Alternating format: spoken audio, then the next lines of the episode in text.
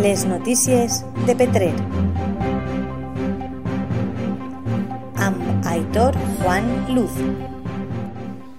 L'Ajuntament de Petrer reforça la seva plantilla per a combatre la Covid-19 contractant a 25 desempleats, dels quals 15 aniran a col·legis.